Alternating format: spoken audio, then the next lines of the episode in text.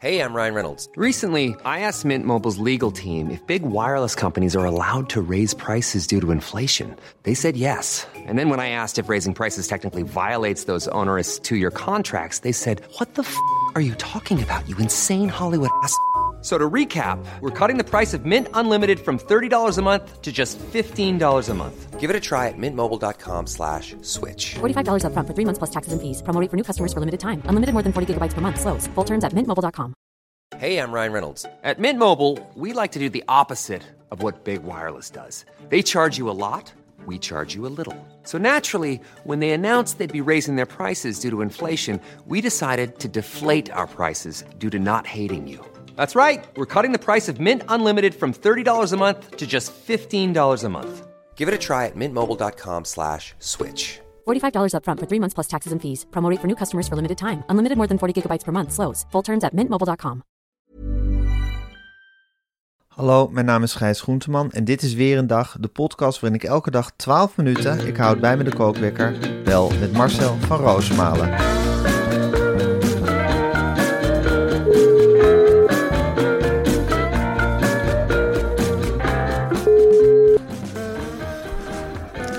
Goedemorgen Marcel.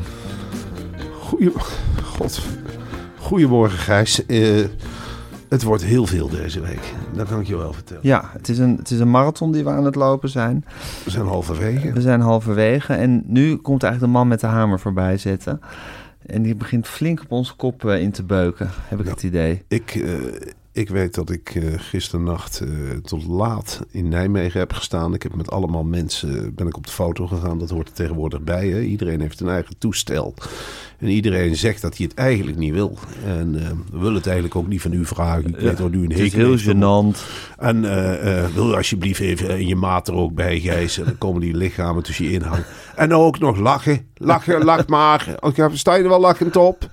Ja, en dat 70, 80 keer. Eh, ik vind dat heel veel. Ik ben daarna in een wagen gepropt met de assistente van Thomas Bruin. Robin. Robin, ongelooflijk sympathieke vrouw. Ja. Niettemin wel een rit van 2,5 uur naar Wormer. Ik eh, heb op de bank geslapen thuis om niemand wakker te maken. En dan word je 's morgens wakker getetterd eigenlijk een kwartier geleden door jou. Van ik ga zo bellen. Ja. Nieuw dat je zo belt, eerlijk gezegd. Wat? Dat ik zeg dat ik zo ga bellen? Ja, dat je me wakker belt met de Nou mededeling ja, ik weet dat we, een zware, ik weet dat we een zware avond hebben gehad in Nijmegen. En ik denk, laat ik je even een beetje warm draaien voordat je moet gaan leveren. hè? Dat heeft natuurlijk geen zin om als een dood vogeltje hier eh, aan de telefoon te komen. Nee, en tegelijkertijd, ja, daar schijn jij niet helemaal te realiseren, Gijs. Maar ik strijd op twee fronten tegelijkertijd nu, hè. Namelijk? Ik strijd op het reportagefront voor Totaal. Ja. Daar voer ik mijn eigen oorlog. Ik ben smiddags al te vinden in boekhandels. En s'avonds speel ik met jou de theateroorlog helemaal uit. Dus ik word wel eens een beetje moe van mezelf en van mijn leventje. Ja, dat wil ik even zeggen. Ja, dat snap ik. Voordat je nog veel meer gaat zeggen, wou ik ook nog even wat zeggen, Marcel. Ja. We beginnen natuurlijk met onze sponsor Moonback. De site waar je met een gerust hart een hotel boekt. En met elkaar maken we deze week een vuist tegen de grote boekingsplatforms waar hotels torenhoge commissies voor moeten betalen. Dat is- En Moonback daarentegen is het eerlijke alternatief dat goed is voor reiziger en voor hotel. Ja, het is, eh, dat is iets geweldigs en ontroerends. Dat je gewoon de reiziger en het hotel helpt. En dat je die tweeslag maakt. Dus dat je weet van, eh, goh, ik heb geboekt een hotelkamer. Er is werkelijk niks aan de strijkstok blijven hangen. Dan kun je thuis ook trots vertellen. Ik heb weer eens een hotel geboekt, jongens. En er is niks aan de strijkstok blijven hangen. Applaus. Nou ja, vanaf 250 euro kan je al meedoen aan de crowdfunding... om het geld op te halen dat Moonback nodig heeft... om uit te breiden van vijf naar veel meer steden. Het kost gewoon ongelooflijk veel geld om uit te breiden met nieuwe steden. Zeker. Zo kan je je aansluiten bij de missie om de platformeconomie eerlijker en socialer te maken. En dat is een missie, Gijs. Ik loop graag achter die vlag aan, want het is een keer tijd dat iemand die missie Zeker. ga- gaat strijden. Ik ben niet zo'n man van missies zelf, maar dit is een missie waar ik me nou toevallig helemaal vierkant achter kan zetten. En ik wil trouwens ook nog even afsluiten met wat extra uitleg over, die, eh, over het AFM-toezicht, waar we het veel over gehad hebben. Want er was hier en daar wat verwarring. Crowdfunding campagnes, wat het is onder de 5 miljoen euro, hebben niet altijd prospectusplicht voor aandelencampagnes. En vandaar de banner op de site die vermeldt dat het een investering zonder AFM-toezicht is. Maar een prospectus hebben ze wel gemaakt. En het platform Crowd About Now, waar de campagne op staat, heeft een AFM-vergunning en staat onder toezicht. Ja, en dit wist ik in mijn achterhoofd wel hoor. Er is gewoon prospectusplicht. En dat heb je altijd bij aandelencampagnes. En ik heb dat altijd in mijn Er is dus geen plicht voor onder de 5 miljoen euro. Oh, en toch hebben ze een prospectus. Dat is toch iets geweldigs. Ja. Dat geeft toch wel die... eh, ja, de kracht aan van En de. Moonbeck. En de. En dat daar een, eh, een stel ernstige jongens zitten. En dit zijn geen vliegenfluiters, Gijs. Die de site hebben opgezet. Dit zijn een stelletje jongens met hersens. Die weten dat de linker schoen aan de linkervoet moet. En die weten met elkaar van jongens, we gaan de veters strikken. En wij gaan de wijde wereld in. Ja. En wij zijn van plan. En dat is onze missie. En daar steun ik ze van harte in. Want vijf steden in Nederland is toch veel te weinig. Dan moeten er toch Absoluut. 500. Dan moeten we met z'n allen, moeten we daar gewoon de hele wereld moet onder Moonbeck Hoeveel steden zijn wij geweest? 50, 60. En hoe graag had ik daar niet in een hotelkamertje geslapen? Dat was Moonbeck voor en Moonbeck na geweest. Ik heb in heel veel steden gestaan met deze voorstelling. En dan heb ik telkens Dan hunker je gewoon naar Moonbeck. Ik denk, ik ga niet op booking.com. Ik heb daar een boek over gelezen van Stijn Bronsvaar van NRC. Een geweldig journalist die heel diepgaand onderzoek doet. En ik dacht, ik ga niet via booking.com iets boeken. Ik ben daar belaattafeld. Dan ga ik nog liever drie uur terug met de wagen. Voor mij is het essentieel dat iedere stad in Nederland via Moonback... dat je daar een hotelkamer kunt boeken. Omdat ik alleen dan het gevoel heb van... Ik word gewoon helemaal gelukkig bij het idee dat je, waar je dan ook komt, dat je weet, ik kan hier via Moonbeck een hotel boeken. Ja, dat geeft toch zo'n prettig gevoel. Dan slaap je toch heel anders in dat bed. Heel anders. Dan, dan lig je toch niet wakker. Want ik heb regelmatig via Booking bijvoorbeeld, om maar een voorbeeld te noemen hoor. Want Booking is niet de hele grote kwaaie duivel. Er zijn er veel meer. Nou, dan moet je Stijn Bronswaar over horen. Ja, dat vindt hij verschrikkelijk inderdaad. Het is geen beste, het is geen beste beurt hoor, wat Booking vaak maakt. Maar ik heb er vaak van wakker En dan was ik in Groningen, heb ik wel eens in een hotel geslapen. En dan denk ik, ja, je hebt het niet eerlijk geboekt. Je hebt het niet eerlijk geboekt. En dat zit er in je hoofd. Je hebt het niet eerlijk Gaat geboekt. malen. Ik ga malen. Ja. En dat als ik ga malen, Gijs, Ja. dan ga ik trippen. En als ik ga trippen, zit ik heel anders bij het ontbijt. Dan ga ik knoeien met de judrans. Dan ga ik mensen afsnauwen. Dan loop ik anders de binnenstad Voor de meisjes ook niet leuk. Zeker niet. Dan kom ik heel opgefokt thuis. Dan zeggen ze, wat is aan? Ah, verkeerde hotelkamer, via verkeerde kutsite geboekt. En rustig nou papa, rustig. Nee, ga weg en ruim je spullen op. Ik heb verkeerd geboekt beide. Gadverdooi. Ik ben helemaal in paniek. Papa is in paniek, papa is in paniek. Wat is er dan, wat is er dan? Ja, de verkeerde site weer hotelkamer geboekt. Er is geen alternatief voor papa. En dat is er nu wel. Moonback, Moonback, Moonback. Alsjeblieft mensen, boek toch op Moonback. Ja. En geef die jongens een kans hè, om er lekker uit te breiden naar 50 steden, 60 steden, 100 steden, 200 steden. En dan de dorpen. En, dan de wereld veroveren. En dan Frankrijk, Spanje, Portugal. Nou, Ja, je ziet zo de hele wereldkaart Moonback kleuren. bang. Ik ga even de kookwekker zetten, Marcel. En hij loopt. Ik moet zeggen, ik moet nog een kleine rectificatie plaatsen. Ik geloof dat er geen bloedmaan was eergisteren, maar een supermaan. Dat is wel een punt waar ik, waar ik natuurlijk een flinke uitglijer heb begaan. Ik dacht een bloedmaan, dat ik een beetje een rooie maan had gezien. En toen heeft het zich in mijn hoofd, is, is die supermaan is een bloedmaan geworden. Ja, en ik ben erin meegegaan in dat Ongelooflijke verhaal. Blunder. neem ik je wel kwalijk hoor. Want Ja. ik heb het ook eh, drie, vier keer gezegd. Bloedmaan, bloedmaan. Ja. Maar jij bent ermee begonnen. En ik wist eigenlijk diep in mijn hart, ja, ze supermaan. Jammer dat we dit eh, hebben mee moeten maken met de site. Maar eenmaal op het En je internet... hebt natuurlijk gezegd dat een meer bloedmaan heel veel, heel veel geluk brengt. Ja. Brengt een supermaan ook geluk? halen. Supermaan kan extra krachten geven. En een bloedmaan, daar kun je die powers aan ontlenen. Hè? Suzanne Smit, een bloedmaankind. Maar een supermaan, ja, dat is iets anders. Je bent wel wat krachtiger dan mensen die onder een gewone maan zijn verwekt. Maar het geeft niet dat beetje extra wat een bloedmaan heeft. Dus we hebben waarschijnlijk heel veel mensen blij gemaakt die aan de verwekking bezig waren gisteren. Van, je dacht, goh, yes, Yes. conceptie op het goede moment. Ja, Ja. Dat is helaas niet het geval. Het is wel Pijnlijk. een supermaan. Dus, maar het is geen Het is geen bloedmaan. Nee. Nou, over bloedmaan gesproken. eh, Sophie Hermans eh, is in zak en as geraakt. Eh, Geert Wilders heeft haar de tassendrager van Mark Rutte genoemd. Nou, dat moet je tegen Sophie Hermans niet zeggen Het natuurlijk. is, ik, Dan kom je van een, dan heb je aan haar een hele kwaaie. zo, daarom heeft zij dus eh, afgelopen zondag op het VVD-congres ook gezegd dat ze Sophie Hermans is. Ja.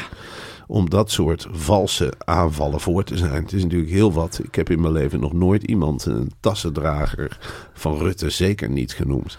En dat komt bij een meisje als Sofie Hermans of meisje, een vrouw als Sofie Hermans. Keier, Politica, politica als Sofie Hermans. Ze is natuurlijk met politiek bloed opgevoed. Ja. Eh, Loek Hermans heeft daar vanaf jongs af aan eigenlijk het ene lepel politiek ingegooid. En dan nog een lepeltje politiek. En op een zeker moment is dat meisje zich daartegen gaan verzetten. Heeft dat verzet overwonnen. Is zelf de politiek ingegaan. Allereerst als tassendrager en als assistent. En die is op eigen benen gaan lopen. En nu wordt ze toch nog uitgemaakt voor tassendrager eh, van Mark Rutte. Ik, ik vind het iets verschrikkelijks als dat eh, wordt gezegd. Ik begrijp heel goed dat de traantjes hoog zagen. En dat ze teruggrijpt naar die geweldige speech die ze gegeven heeft op het VVD-congres. Is had gezegd dat ze Sofie Hermans was. Eh, dat is ook gewoon feitelijk juist. Ja. En zij is Sophie Hermans. En ze heeft dat nogmaals aangestipt. Ik vond het heel sterk. Ik overweeg nu ook bij de volgende verkiezing om toch op Sophie Hermans te gaan ste- stemmen. Omdat ik denk van ja, dan Ja, staat ze er... begint mijn stem ook echt eh, binnen te harken hoor, zo langzamerhand. Het is, eh Gijs, eh, het is een baken. Het is het, het licht in de duisternis. Het is een steentje dat van de berg afrolt en steeds groter wordt. Sophie Hermans kan ook internationaal, zou ik het heel graag zien, dat stuur Sophie Hermans eens naar Poetin. En dan Laat er, eens, laat er eens door dat sleutelgat naar binnen glippen daar. En eh, die lange tafel staan aan het uiteinde. En dat ze dan heel krachtig tegen iemand als Vladimir Poetin zegt van... Ik ben Sofie Hermans. Suis Sophie Hermans. Ik ben Sophie Hermans. En dan datzelfde krachtige statement maakt en dan ook bijna begint te huilen. Ik denk dat, Dat een Vladimir Poetin. ja, die is daar natuurlijk van onder de indruk. En stel je Sophie Hermans eens voor bij de Verenigde Naties. Die hele grote internationale vergadering waar eigenlijk weinig meer gebeurt. Waar heel weinig met de vuist op tafel eh, wordt geslagen. En dan komt ineens Sophie Hermans binnen. Je ziet er eerst niet. En dan gaat ze met dat eh, snoetje voor die microfoon staan. Zeven, acht microfoons. En dan wordt die keel geschraapt. En dan komt dat. En die vuistjes worden gebald. Die worden stram langs het lichaam gehouden. En staat waarschijnlijk in eh, een van haar vele prachtige zwarte jurken. En dan staat ze te vertellen dat ze Sophie Hermans is. En ik denk dat dat nog niet vaak vertoond is in die algemene vergadering. En dat we daar als Nederland een hele mooie joker op tafel kunnen leggen. Als we haar de kans geven. Zeker, maar dan moet je haar wel ruim baan geven. En dan moet je haar niet tassendrager van Mark Rutte gaan noemen. Ja, Dan breek je zo'n carrière in de knop en dat vind ik hartst- hartstikke laag. Dat is gewoon ontzettend gemeen van Wilders. Ja, ondertussen Marcel, ik geloof dat jij ooit benaderd was om eh, ombudsman van NRC te worden. Hè? Nog steeds. Dat nog speelt steeds, dat speelt nog steeds. Daar, ben je nog steeds. daar ga je nog steeds voor op voor die functie. Ehm, het is zo dat ik contact heb gehad met een iemand van de hoofdredactie van de NRC, Harrison van Vliet.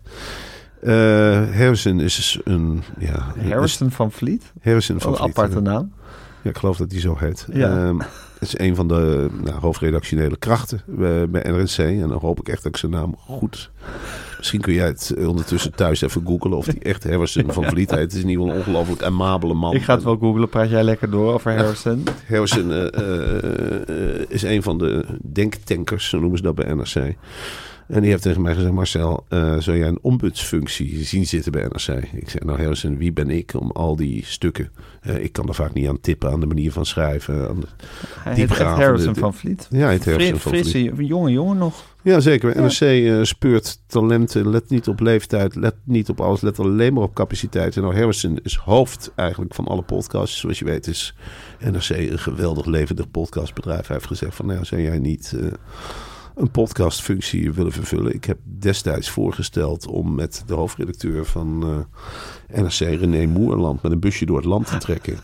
Met achterin dat busje 50, 60 kartonnen René Moerlands. En om dan gewoon in een plaatselijk café eh, de lokale bevolking uit te nodigen. En dan moet je je voorstellen dat de lokale bevolking zich een weg moet banen tussen allemaal kartonnen. René Moerland. René Moerlands. En dat ze dan op een zeker moment denken, nou dat zal wel weer een kartonnen René Moerland zijn. Maar dat er echt René Moerland daar dan staat. En dat hij dan boe zegt. En dat hij dan boe zegt en dat hij zijn vinger uitwijst. En dan zo wijst naar, eh, wat zijn uw klachten over zijn NRC? En laat, laat dat Laat gesprek... het volk maar eens zich uitspreken over NRC. Nou, laat, laat NRC eens in contact komen met gewone volk en met ideeën komen. Nou, Hilsum van Vliet was een man die zei, ja goed, hoe gaan we dat technisch aanpakken? Loop je dan met een losse microfoon? Loop je met een, gaan we met een geluidswagen werken? Gaan we met een pijlwagen Oh ja, Is- van Vliet maakt dat meteen heel concreet, zo'n plan, hè? Ja, maar goed, we zijn in gesprek. Dit was niet uitvoerbaar, maar hij heeft wel gezegd van... nou Marcel, misschien is het een keer leuk om in podcastvorm... Misschien met eh, een jongen als Ernst-Jan Fout, die natuurlijk ook eh, aan NRC is verbonden. Een van de grote drijvende krachten. Een geweldige collega-columnist. Om dan misschien met z'n tweeën of alleen die krant eens tegen het licht te houden. Dan zijn we mee aan het werk. Leuk. Maar wat was Ik- je vraag? Nou, ik vraag dit omdat je o- hebt ook een ombudsman van de NPO, dus eigenlijk een directe collega van jou. En die is, is nu frontaal in botsing gekomen met Arnold Karskens. Ja. Arnold Karskens zit lelijk in het nauw. Er wordt er misschien een boete opgelegd binnenkort met Ongehoord Nederland. Hoe gaat Arnold zich hier uitredden, denk jij? Ik denk eerlijk gezegd, ik ken Arnold Karskens. Wij hebben een verleden met elkaar. Eh, Arnold Karskens is ook is mij een keer aangevlogen op het boekenbal. Na een interview wat hij aan mij heeft gegeven bij HP De Tijd. Toen had ik me heel erg gefocust op de schaal met borrelnootjes op de tafel in de balie. Arnold had de neiging, ik had voor ons twee een schaal borrelnootjes gehaald voor tijdens het interview. En ik merkte halverwege het interview op, eh goh Arnold, ik had net een grote schaal borrelnootjes gehaald. En ik heb er eigenlijk geen één kunnen eten. Omdat jij met die grote Noord-Hollandse klauwen de ene borrelnoot naar de andere naar binnen zat te stampen. En ik, ik zal je ook eerlijk zeggen, Arnold, heb ik op dat moment gezegd dat ik niet eens meer zin heb in een borrelnootje. Want je praat met volle mond en je stopt er 20, 30 in je bek. En, je zegt gauw, gauw, gauw. Arnold is daar ontzettend boos op geworden. Beticht Oh ja? van ja, feitelijke onjuistheden. Ik zeg, nou, dat is jouw draai van de waarheid. Nou, dat is jouw draai. En werd ook agressief. Hij is me aangevlogen op het boekenbal. Daarna hebben we het weer bijgelegd. Hoe Eh, ging dat? ja, dat je elkaar tolereert. We zaten op een zeker moment bij de geweldige uitgeverij Meulenhof. Was er een etentje en hij zat aan de ene kant van de tafel. En ik aan Zat hij ook bij dat huis? Hij zat bij dat huis, ja. Oh ja? Het is het is Was een- ook een, eh, een Ik- fonds van Paloma Sanchez? Nee, ik denk dat dit nog wel voor Paloma. Die heeft natuurlijk schoon schip gemaakt. Die heeft eh, op een zeker moment heeft Paloma in haar hoofdje in ieder geval een scheiding gemaakt. En die heeft gezegd van ik, ik scheid het Ik ga door met mensen die kunnen schrijven. Ik ga door met mensen die kunnen schrijven. Ik ga door met potentiële bestseller-auteurs. Ik neem afscheid van Arnold Karskens. Jammer, maar die gaat zijn hel waarschijnlijk ergens anders zoeken. Nou, Arnold is een eigen omroep gevonden... waarin hij zich omringt met allemaal mensen die hem geweldig vinden. Nou ja, die praten Arnold naar de mond. Die zeggen allemaal, we hebben gewoon gelijk. En fijn dat een keertje gezegd wordt. En heel goed dat wij op deze tendentieuze manier... de samenleving eh, beschouwen. Ongehoord Maar hoe denk je dat hij die, dat conflict met die, met die ombudsvrouw van, of de ombudsman die een vrouw is, van de NPO gaat oplossen? Ik ga, ga er zonder meer van uit dat hij het in alle openbaarheid gaat oplossen. En dat hij zijn woede, dat ventiel wat bij hem aan de voorkant zit, niet aan de achterkant. Dat is, je hebt die snuit, hè? Ja. En daarvoor zit een, eh, wat wij een mond noemen, dat zit bij hem een ventiel. Ja, en dat draait hij open. Dat draait hij open. En En dan komt het eruit. ik neem aan dat de ombudsvrouw, man, eh, ombuds, hoe zeg je dat dan? De ombuds, Ombudsmens. de- het ombudsmens van de NOS. Ja, goed. Ik denk dat er naast wordt gezocht naar een onderduikplekje. Arnold zal hij niet zelf bedreigen, maar hij zal zeker zijn doelgroep oproepen om in ongehoord nieuws zal er aandacht worden besteed aan dit mens. En er zal worden gezegd van ja, dit soort mensen maakt Wil ons mond doodmaken. maakt, wil ons mond doodmaken. Ze zal tot vijand worden bestempeld. En ja, ik Moet je dan maar. Hoedje dan. Maar Ja. ik heb zelf ook met dat beeldje gehaakt. Daar wordt niet zachtzinnig op gereageerd. Oké, dus dat kunnen we verwachten. Nou, dat gaan we eens even nauwlettend in de gaten houden. Ja. Dan heb ik nog een laatste kwestie die ik met je door wil nemen. Marcel, de hypotheekrente is nu ineens als een gek aan het stijgen. Ja, Ik weet niet, is dat nou goed of slecht? Want dan gaat misschien de huizenmarkt... Gaat misschien... Hallo? Ja, gaat Hallo, misschien de ja. huizenmarkt afkoelen. ja. Maar ja, dan moeten we wel meer rente betalen. Ik, ik, ik snap dit soort dingen nooit, Marcel. Kan jij, kan jij me bijschijnen? Is dit goed nieuws? Is dit slecht nieuws? Ehm, ik kan je bijschijnen op dit gebied, Gijs. Ehm, over financiën weet ik toevallig heel veel. Het is zo, als de huizen, de hypotheekrente omhoog gaat... Ja. dan gaat waarschijnlijk de huizenprijs dalen. Omdat er bij consumenten toch het idee heerst van... hé, hey, als ik meer rente moet gaan betalen... ga ik minder snel een huis Wil jij nu je huis verkopen... dan kom je misschien in de problemen. Omdat je rekent op een stuk overwaarde... En die overwaarde die is misschien verdampt. Omdat er een paar mensen aan de knoppen hebben zitten draaien bij de centrale banken. Wij kunnen helaas, Gijs, als consumenten geen invloed uitoefenen op de jongens en meiden van de centrale banken. Die doen maar wat. Je hebt de Europese centrale bank in Brussel. Als dat ventiel open gaat, en het ziet er naar uit dat dat ventiel, ventiel open gaat, kunnen er hele gekke dingen gebeuren met de huizenprijs en met de rentes. Het heeft natuurlijk ook positieve effecten. Het kan natuurlijk wel zo zijn dat de rente op de spaarrekeningen ook weer eens een keertje omhoog gaat. Je krijgt op dit moment 0%. Ik profiteer ook niet van mijn spaarrekening. Maar dat kan over een paar maanden zomaar zijn dat je bijvoorbeeld 0,2% rente krijgt of 0,3% rente. En dat je dan je centjes op de spaarrekening zet. En dat raad ik iedereen aan. Hè, om toch vooral van jongens af Niet aan. in die bitcoin. Ga niet in de bitcoin. Ga stap niet in gekke beleggingsproducten. Alleen als Behalve je in de ethische platformen. ethische platforms is wat anders. Want dat doe je niet voor het rendement. Dat doe je voor een betere samenleving. Maar ga niet speculeren met je geld. En dat is het enige wat ik iedereen wil voorhouden. Jongens, jongens, jongens, ben nou verstandig. En ben ook verstandig met het dagelijks boodschappen doen. De tijd van de volle karren is wat mij betreft voorbij. Ja. Ga in godsnaam niet hamsteren. Je hebt toch verdorie genoeg aan. Wat heeft een normale Nederlander nodig? Een goed stuk brood. Nou, de graan wordt duurder. Het wordt oneerlijker verdeeld. Haal niet brood voor in de vriezer. Koop gewoon het brood wat je nodig Ja. hebt. Ik zou zelf kiezen voor een flinke bruine volkoren boterham. En dan denk je, ja, bruin, goed. bruin brood is natuurlijk duurder dan wit brood. Maar er zit ook wel wat meer in, in bruin brood. Een witte snee, daar kun je er zes, zeven van eten. Met hagelslag. met al die zoete troep, die komen ze ook niet aan. Nee, Nee. je moet een bruine snee nemen met een lik boter.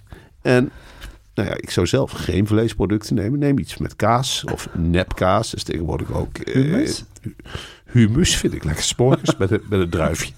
met, een, met een gesneden druifje erop, vind ik heerlijk. En dan heb je genoeg. En genoeg is genoeg. Neem als fruit. Hè? Ehm, wat is er mis met de Hollandse appel? Wat is er mis met de peer? Waarom moet het allemaal steeds gekker en gekker en Ja, dat doen met mango's en kiwis. Ik snap er eigenlijk niks van. Ben jij opgegroeid met een schaal met kiwis morgens bij het ontbijt? Nee, en misten wij kiwis toen we jong waren? Ik weet nog dat mijn moeder voor het eerst een kiwi mee naar huis bracht. Ja. En ze legde het op tafel en ze zei, ik heb nou iets geks gekocht bij de groenteboer. Kiwi. ik zeg, wat, we kregen mama allemaal aan. Ze zei, mama, wat is dat? Wat moet je... Ik weet ook niet hoe je het eet. Ik weet ook niet hoe je het schilt. Het begon wat heel... Ja, de handen worden er plakkerig van. Nou, zal ik het in de vla gooien? Ja, gooi maar in de vla, mama. Maar dat was helemaal niet lekker. Vernieuw je vla met kiwi. Wij lepelen. Ik zeg, mama, wat is dit voor vreemde vrucht? Ja, ze wist het ook niet. Kiwi. Nou ja, ik zeg, mama, wat is er mis met een peertje? En toen zijn wij heel snel, als gezin in Velp, eigenlijk voor de meute die dat nu gaat doen, zijn wij teruggeschakeld. Gewoon naar Hollands fruit, de appel, de peer en met kerstmis een mandarijn. En, het is nu kersentijd, hè? kersen, Laten we genieten van de kers uit de Betuwe. nee, laten we daar ook even eerlijk over zijn, Gijs. Deze tijd, laat de kers in de Betuwe. Laat de Betuwse mensen Ja, oh ja. zelf- Gewoon waarom- met, met de regio mee eten eigenlijk. Waarom, waarom zouden we heel veel stikstof de wereld in slingeren? Door een Door omgeving. kersen te transporteren. Nee, dan moet weer in een stinkvrachtwagen al die kersen. En die worden dan naar Noord-Holland gebracht. Die hebben toch hun eigen producten, of niet? Ik zeg zo vaak bij de groenteboer, die heet ook Marcel in Wormer. Ik zeg, wat zit jij hier nou met die kersen uit de Betuwe? Laat die dingen toch daar. Dan eten de mensen toch kersen en wij eten hier, ja, wat eten we hier? Veel beswerk, braamwerk, dat, dat is hier de streek. Hou gewoon met voedsel, echt mensen, hou het voedsel in de eigen streek. Alleen zo houden de ondernemers. Ja. Koop met de van je eigen en met de regio mee eten. Hoezo? F- Stokbrood. En dat- Nog zo'n ergernis. Stokbrood, dat komt toch uit Frankrijk? Ik ga toch ook niet hier... Pizza, Italië. Wat is er mis met het Hollandse flensje? Of hoe heet die wentelteefjes die we van oudsher al maken? Ja, Schakel oud toch brood. terug. Ja, een stokbrood. Mag ik een langwerpig brood wit? Wa- Waarom? Waarom eigenlijk? Dat moet je onhandig gaan snijden. Daar zijn wij Nederlanders helemaal niet eh, ja, op toegerust. De aardappel, dat is Noord-Holland. Een aardappeltje uit kleigrond. Nou, nou, nou, lekker. Een beest wat uit de streek komt. Nou, wat heb je veel in Een Noord-Holland? varkentje uit de tuin. Varkens, dat is Brabant. Dat is het worstenbrood. Nee, Noord-Holland is schaap. Schaap. Schaap, makreel zit er veel. Haringen. hè, Als je in de streek van Volendam komt, dat is allemaal haring. En dat is paling. En dat is logisch. Maar dan ga je toch niet in Limburg. Ik ga toch ook niet naar Maastricht en dat ik zeg: Weet je wat ik nou zin in heb? In een broodje haring.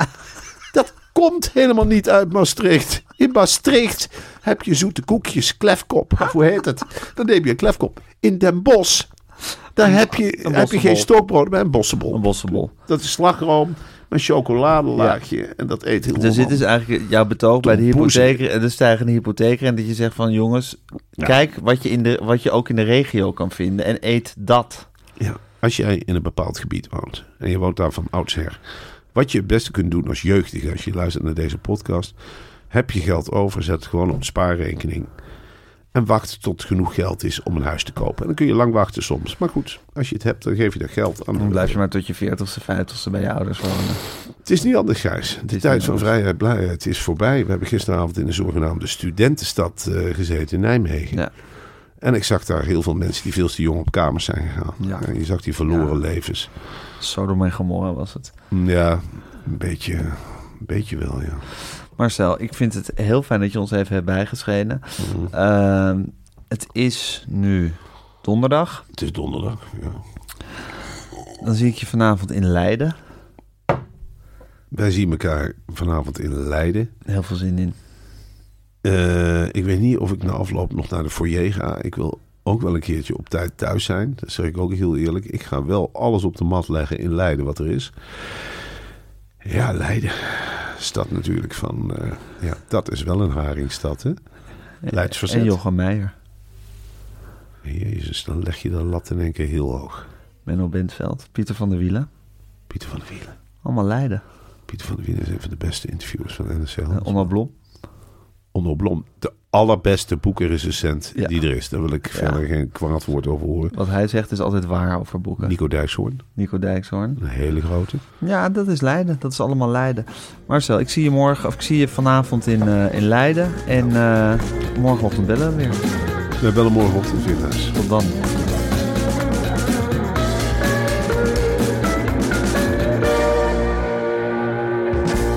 Dit was een podcast van Meer van Dit. Wil je adverteren in deze podcast? Stuur dan een mailtje naar info.meervandit.nl